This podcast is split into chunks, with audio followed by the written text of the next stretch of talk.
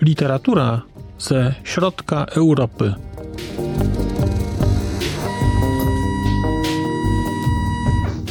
Podcast około książkowy.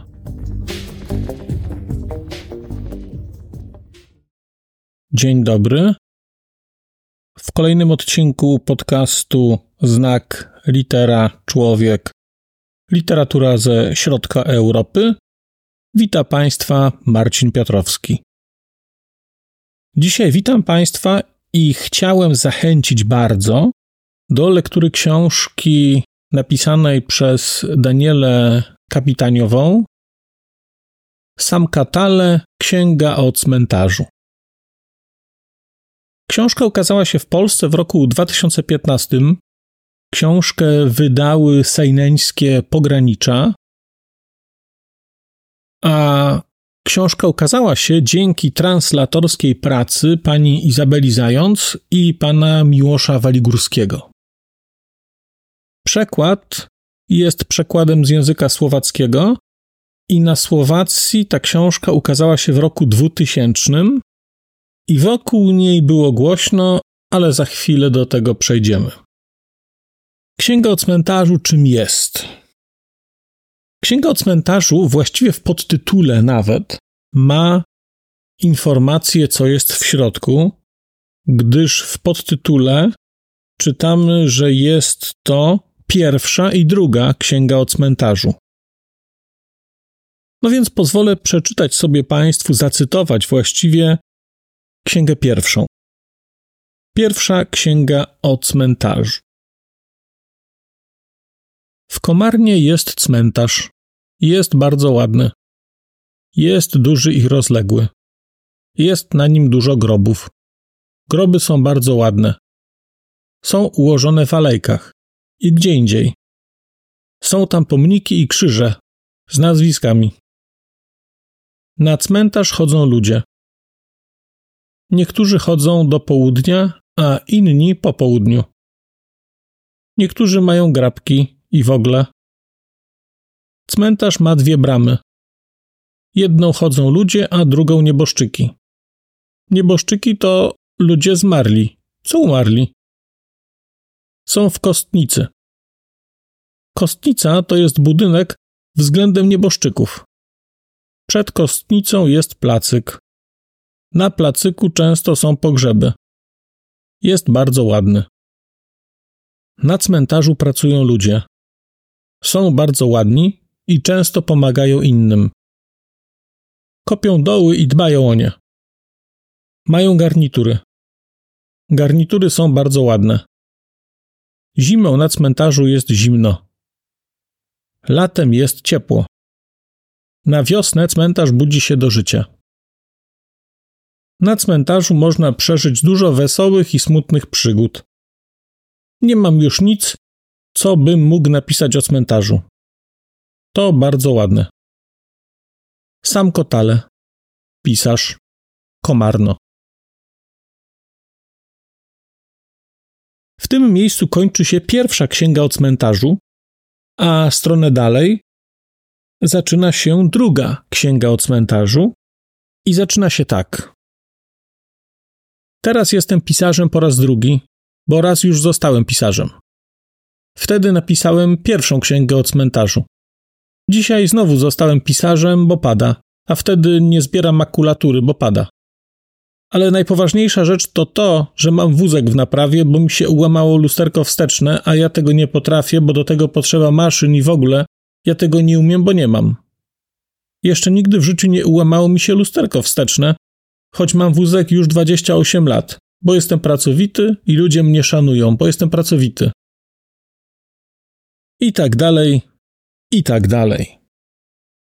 Książka Sam Katale, opowieść o cmentarzu, to jest rzeczywiście książka, która ma dwie części. Część pierwsza ma jedną stronę, jest część druga, która ma właściwie całą resztę tej książki, czyli około 150 stron. I do tego są jeszcze dwa króciutkie teksty, no bo sam Kotale napisał też o sobie życiorysę. Napisał życiorysę i ta życiorysa brzmi tak.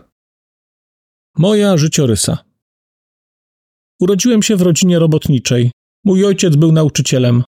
Moja mama nie była nauczycielką, ale też uczyła. Poza tym nikt w rodzinie nie był nauczycielem. Dlatego byliśmy rodziną robotniczą. Mam dwie siostry. Jedna siostra jest taka, że jest artystką względem pianina. Druga siostra nie jest artystką, ona jest normalną siostrą. Ja nie jestem siostrą, bo jestem bratem. Mam dużo zalet. Urodziłem się w Komarnie. Komarno to takie jedno miasto. Tam się urodziłem. Urodziłem się 12-11. To znaczy, że 12 listopada. Listopad zawsze był najpiękniejszym miesiącem w roku, bo to miesiąc przyjaźni czechosłowacko-radzieckiej. To taki miesiąc, kiedy każdy myślał o Związku Radzieckim. Ja też myślałem o Związku Radzieckim. Teraz to już wcale nie ma Związku Radzieckiego i to jest bardzo poważna sprawa, bo w takim wypadku nie ma już nawet miesiąca przyjaźni, a to by było bardzo dziwne, jakby był miesiąc przyjaźni, a Związku Radzieckiego by nie było. Bo jakby był jeszcze miesiąc przyjaźni, to mógłby być pociągany, że jest miesiącem przyjaźni. A przecież nie ma już Związku Radzieckiego i Czechosłowację też rozwiązali, bo nikt na świecie już jej nie chciał, bo nas bardzo uciskała. Mnie też bardzo uciskała. Powiedzieli mi, że mam napisać życiorysę na jedną stronę, więc to już koniec. No to kończę względem tego, że ta strona się skończyła. Do widzenia. Sam Kotale, pisarz Komarno. Poznaczcie więc już Państwo Sam Kotale. Samko, skrót od Samuela, jest to Samuel Tale, pisarz, teoretycznie. I kiedy wspomniałem o tym, że wokół tej książki było głośno, to było wokół tej książki głośno dlatego, że w roku 2000, kiedy się ona ukazała, to Daniela Kapitaniowa, kiedy tę książkę wysłała na konkurs literacki, był to jej debiut, ta książka, to podpisała ją właśnie sam Kotale. Środowisko było oburzone na wydawcę, że wydaje książkę, że chce żerować na pracy osoby, która jest intelektualnie niepełnosprawna, no bo część ludzi albo nie przeczytała, albo się naprawdę wkręciła w to, jak ta książka jest napisana i o czym ona jest. No bo rzeczywiście sam Kotale jest osobą, która jest która jest no powiedzmy lekko ograniczona umysłowo, lekko opóźniona umysłowo. To nie jest jakieś ograniczenie ciężkie. To jest człowiek, który wydaje się, że jest w wieku autorki mniej więcej, bo odniesienia, które tutaj są, są odniesieniami do okresu komunizmu, a później do okresu już, nazwijmy to, niepodległej Czechosłowacji, a później Słowacji. Więc jest człowiekiem lekko opóźnionym umysłowo. Ta lekkość oznacza tutaj tyle, że on żyje sam, ma mieszkanie, utrzymuje się sam, ma rentę, ma rentę względem tego, że ma chore nerki. Dowiecie się Państwo też o nim więcej rzeczy, innymi to, że ma 152 cm wzrostu, że jest chory na chorobę głowy, która powoduje, że nie ma zarostu i nie musi się golić, i tak dalej, i tak dalej.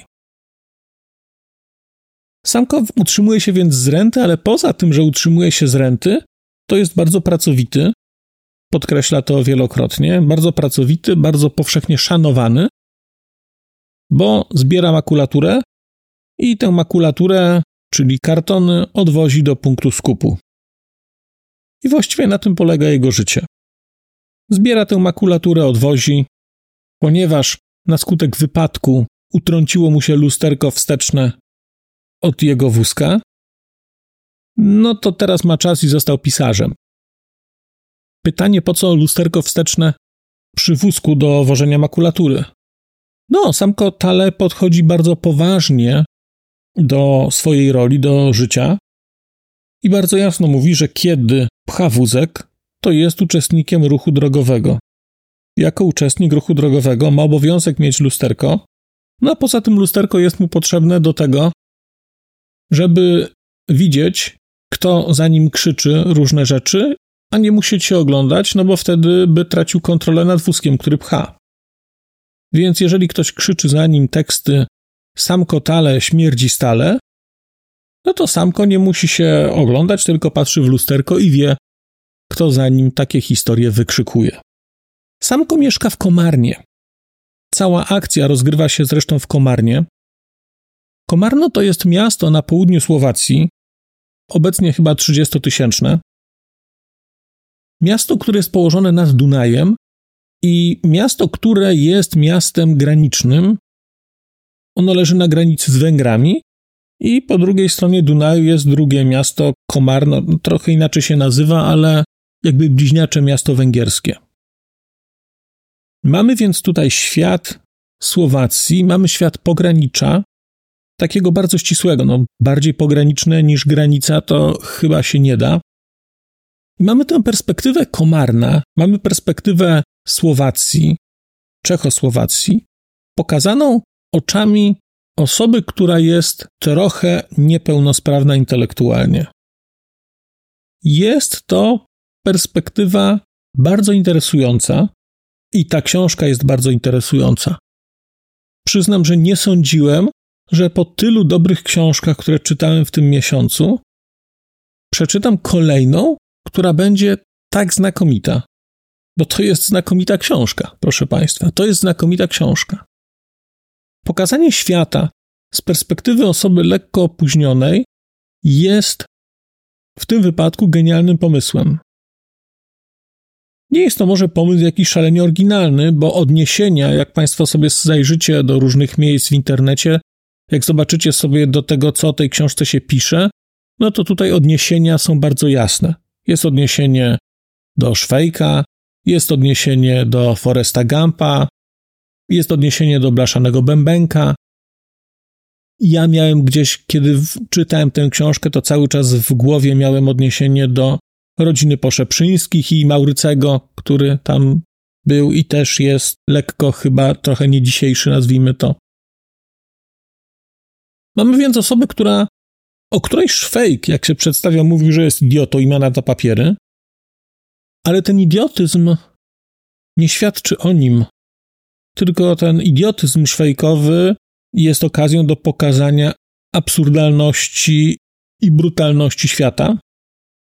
Tak samo tutaj mamy bardzo podobną sytuację. Mamy człowieka, który jest bardzo naiwny, który jest naiwny taką naiwnością dziecka. Infantylne to jest wszystko bardzo proste, ale przez to jest szalenie przejmujące, bo sam Kotale opowiada nam rzeczy, które się wydarzyły jego oczami. To są oczy człowieka, który nie widzi zła i nie czuje konsekwencji swoich działań różnych, ale także konsekwencji działań innych ludzi.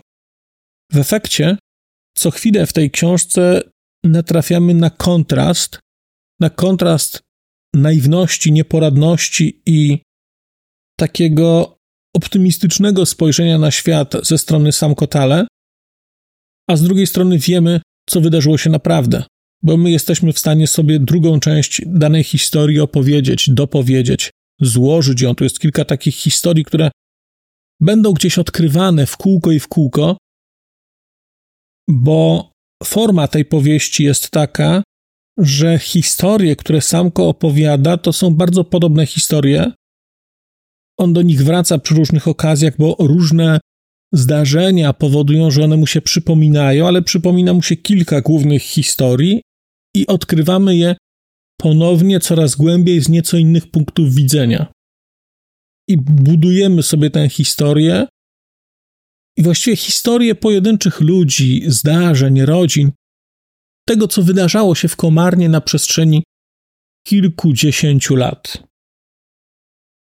Ta książka wzbudziła we mnie ogromny szacunek dla autorki i jeszcze większy dla tłumaczy, bo to, co zrobiła pani Izabela Zając i pan Miłosz Waligórski, to jest znakomita rzecz.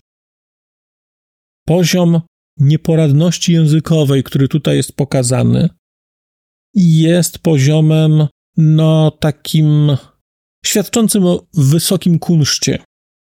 Jeżeli przypominacie sobie Państwo Jerzego Sztura śpiewającego śpiewać każdy może i fałszującego w sposób zaplanowany, no to ta książka na poziomie literackim jest właśnie piosenką śpiewać każdy może. Język, którym posługuje się sam Kotale i sposób oglądu świata jest bardzo specyficzny. To jest sposób oglądu świata dziecka. To są krótkie zdania, to są poszczególne akapity, które dotyczą jakichś rzeczy, które są nagle porzucane, po czym są po chwili kontynuowane, ale już w nieco innym kontekście.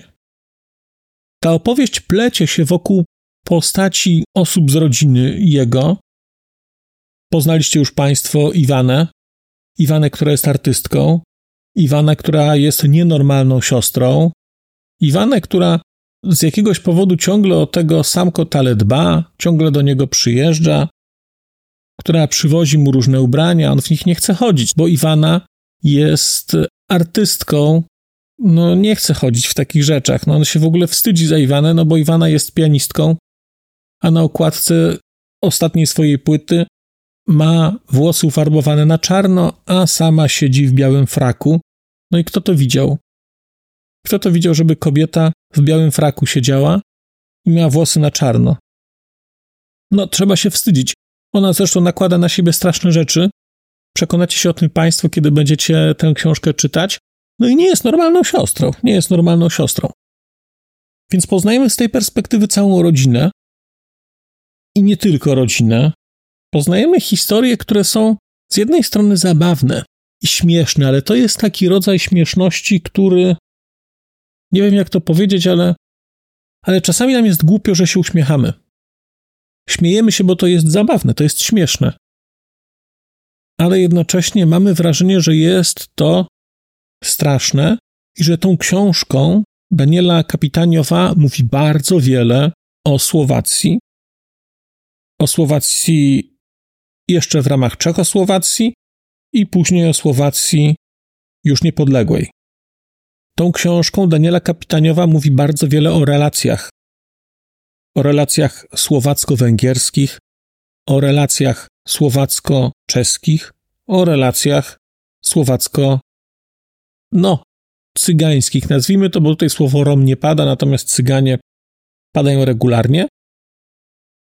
I teraz, żeby może pokazać Państwu, jakich tematów Daniela Kapitaniowa się dotyka w tej książce, to pozwolę sobie przeczytać taki fragment. Darinka Gąsiorówna uścisnęła mi rękę, a ja nie wiedziałem, co się wtedy mówi, więc się tylko śmiałem. Ona też się śmiała. Teraz nie nazywa się Darinka Gąsiorówna, bo wyszła za murzyna. Jej mąż nazywa się Samuel Quentin, tak jak ja. To znaczy, Wcale nie nazywam się Samuel Quentin jak on, tylko Samuel Tale. Bo nie jestem murzynem. Ja jestem Słowakiem. Już dawno słyszałem, że Darinka wyszła w Ameryce za murzyna, ale w to nie wierzyłem, bo ludzie czasami zmyślają i często ją obgadywali, jak była jeszcze żoną utytego Manicy.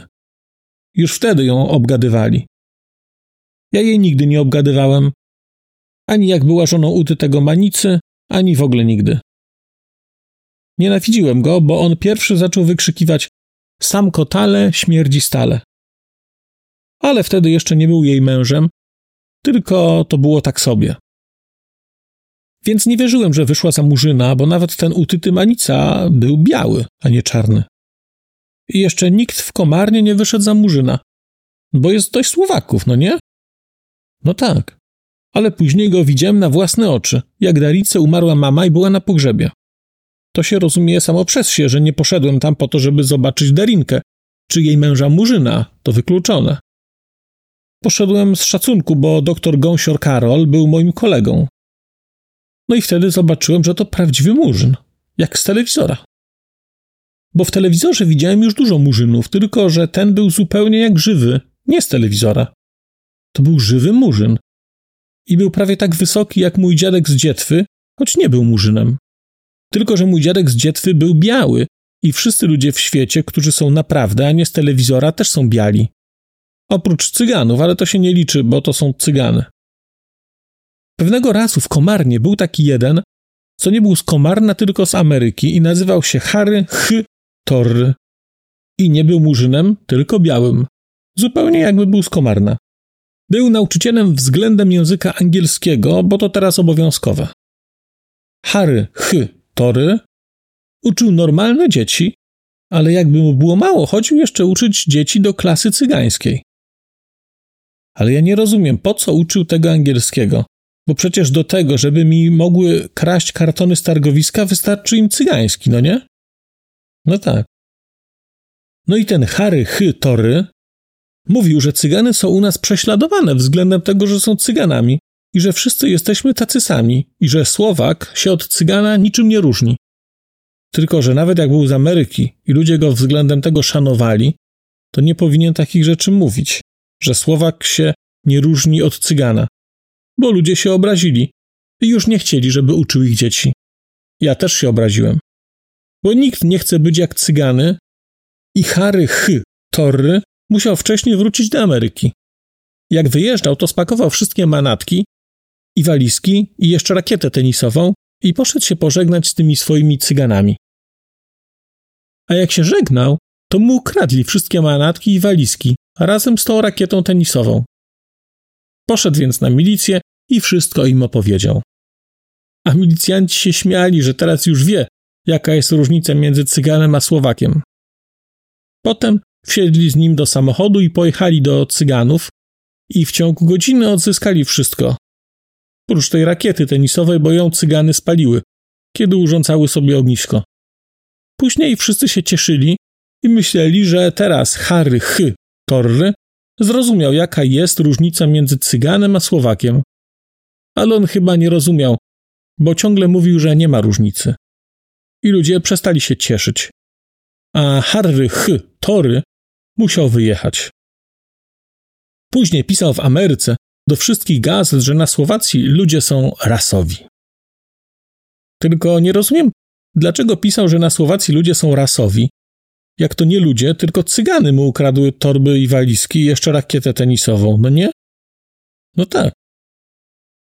Ja wcale nie jestem rasowy, bo ja jestem bardzo dobry. No i to mamy wątek pierwszy, który trochę mówi, mam wrażenie, o Słowacji. I takich wątków jest tutaj więcej. No i zaraz mamy wątek drugi. Wątek drugi, który też trochę mówi o Słowakach. Warzywa są bardzo zdrowe, ale i tak najzdrowszy jest kefir. W domu zawsze robiliśmy domowy kefir na dobre trawienie, bo to jest bardzo zdrowe. Ojciec zawsze powtarzał, że kefir wymyślili Mongoli i po tym widać, jaki to kulturalny naród, co wymyślił kefir. Ale nie tylko kefirem się zasłużyli. Jeszcze wypędzili z Mongolii Węgrów, bo ich nikt na świecie nie lubi za to, że są Węgrami. Słowaków to każdy lubi, bo są Słowakami. Bo Słowacy są najlepsi w świecie, a język słowacki jest najpiękniejszy. Uczyliśmy się tego w szkole i w telewizorze też mówili, że język słowacki jest najpiękniejszy w świecie. To wiadomo względem tego, że język słowacki ma li. Li jest najładniejszą literą na świecie, bo jest bardzo ładne. Na przykład język czeski nie może być najpiękniejszy w świecie, bo nie ma li. Dlatego najpiękniejszym językiem na świecie jest słowacki, bo ma li. Najśmieszniejszym językiem jest za to węgierski to wiadomo względem tego, że jak ktoś coś powie z węgierskim akcentem, to to jest bardzo dowcipne i wszystkich śmieszy, bo jest bardzo zabawne. Mnie też to bardzo śmieszy, bo to jest bardzo zabawne. Jedynym człowiekiem na świecie, którego to nie śmieszyło, był Alf Neveri, ale jego nic w świecie nie mogło rozśmieszyć, bo on nie był dowcipny. A przecież węgierski jest taki zabawny. Nie będę kontynuował, bo tutaj trudno przerwać czytanie tej książki, bo te wątki się ze sobą przeplatają. Jeden się kończy, a właściwie zaraz zaczyna się następny, a potem trudno to przerwać. Ten Alf Neveri, no to jest właśnie Alf Neveri. Pan nazywał się Alfons, ale nie chciał, żeby tak o nim mówić, więc prosił, żeby mówić do niego Alf. ale sam Kotale zapisuje to jako alf, czyli alf. Neveri. On się cały czas pojawia tak w tej książce. I tu jest mnóstwo takich gier językowych, mnóstwo kolokwialnego języka zapisanego do postaci tekstu. Właściwie wpada się w takie ciągi narracyjne i ta książka płynie. Nie sposób się od niej oderwać. To jest tylko 150 stron i czyta się to znakomicie. I to jest książka, która jest z jednej strony zabawna, ale raczej zabawna niesprawiedliwością świata, raczej zabawna tym kontrastem, który mamy. No, jeżeli znacie Państwo Foresta Gampa, no to dokładnie wiecie o co chodzi. Macie dobrego człowieka, który opisuje świat swoimi oczami, a wszyscy się pukają w głowę, a jednocześnie, a jednocześnie to jest dobry człowiek. Ten świat, który sam Kotale w taki naiwny sposób pokazuje, to jest świat, w którym jest nienawiść, w którym są samobójstwa, śmierci, depresje, tragedie, złamane miłości, pęknięte rodziny. Ale tego wprost nie widzimy, to jest wszystko na drugim planie. Myślę, że gdyby tę książkę wzięło rzeczywiście jakieś dziecko, no to to byłby ciekawy eksperyment. Jak takie dziecko by to odebrało, bo myślę, że odebrałoby to trochę tak jak sam Kotale. Opisywał pewne rzeczy i nie wiedział, dlaczego ludzie nie lubią sekretarza partii. Sekretarz partii jest takim fajnym człowiekiem. On się tutaj pojawia, doktor Gąsior. Doktor Gąsior cały czas się pojawia, bo jest dobrym człowiekiem, bo sam Kotale przychodzi i mówi mu różne rzeczy. Bo jest pionierem, musi mówić prawdę, więc mówi mu prawdę o różnych rzeczach. No i dalej możecie sobie Państwo wyobrazić, co w latach 60. czy 70. znaczyło mówienie prawdy sekretarzowi partii. W Polsce to było trochę inaczej. W Czechosłowacji naprawdę ten komunizm był nieco taki bardziej konkretny. No ale tu widzimy tę naiwność i koszt naiwności. Sam Kotale, Księga o cmentarzu, świetna rzecz, naprawdę świetna rzecz. Bardzo mocno polecam Państwu tę książkę. Ogląd świata, Forest Gump z Europy Środkowej. Być może, jeżeli czytaliście Państwo Blaszany Bębenek, to ta książka będzie dla Państwa wtórna. Dla mnie absolutnie nie była. Nie chcę powiedzieć, że dobrze się przy niej bawiłem, ale, ale sprawiło mi mnóstwo radości czytanie tej książki, ale takiej radości, która jest podszyta ogromną goryczą i skłania, i skłania do bardzo wielu refleksji na temat świata wokół nas. Zachęcając Państwa do lektury książki Danieli Kapitaniowej, chciałem się dzisiaj pożegnać i powiedzieć, że powrócę do Państwa wkrótce z opowieścią o jakiejś innej książce. Ale dzisiaj miś z okienka mówi wszystkim dzieciom, no, no nie, tego nie mówi, ale miś z okienka mówi do usłyszenia. Przez mikrofon, jako miś z okienka, mówił do Państwa Marcin Piotrowski. A już zupełnie na koniec powiem, że skoro wysłuchaliście Państwo tego odcinka, to w jego opisie znajdziecie link do serwisu YouTube. W wersji YouTube'owej e, jest miejsce na skomentowanie go. To jest takie miejsce, gdzie można komentować ten odcinek, rozmawiać, zadawać pytania, wymieniać się spostrzeżeniami, do czego Państwa bardzo zachęcam, gdyż udało się już na tym YouTubie zgromadzić trochę bardzo ciekawych osób, bardzo ciekawych komentarzy i trochę stworzyć taką społeczność ludzi rozmawiających o książkach. Też na koniec, zupełnie na koniec, e, poproszę Państwa o wystawienie oceny mi w ramach e, tych platform podcastowych, na których Państwo tego odcinka wysłuchaliście. I nieważne jaka ta ocena będzie, istotne dla mnie po prostu, że będzie. Tymczasem się żegnam już naprawdę i do usłyszenia za czas jakiś.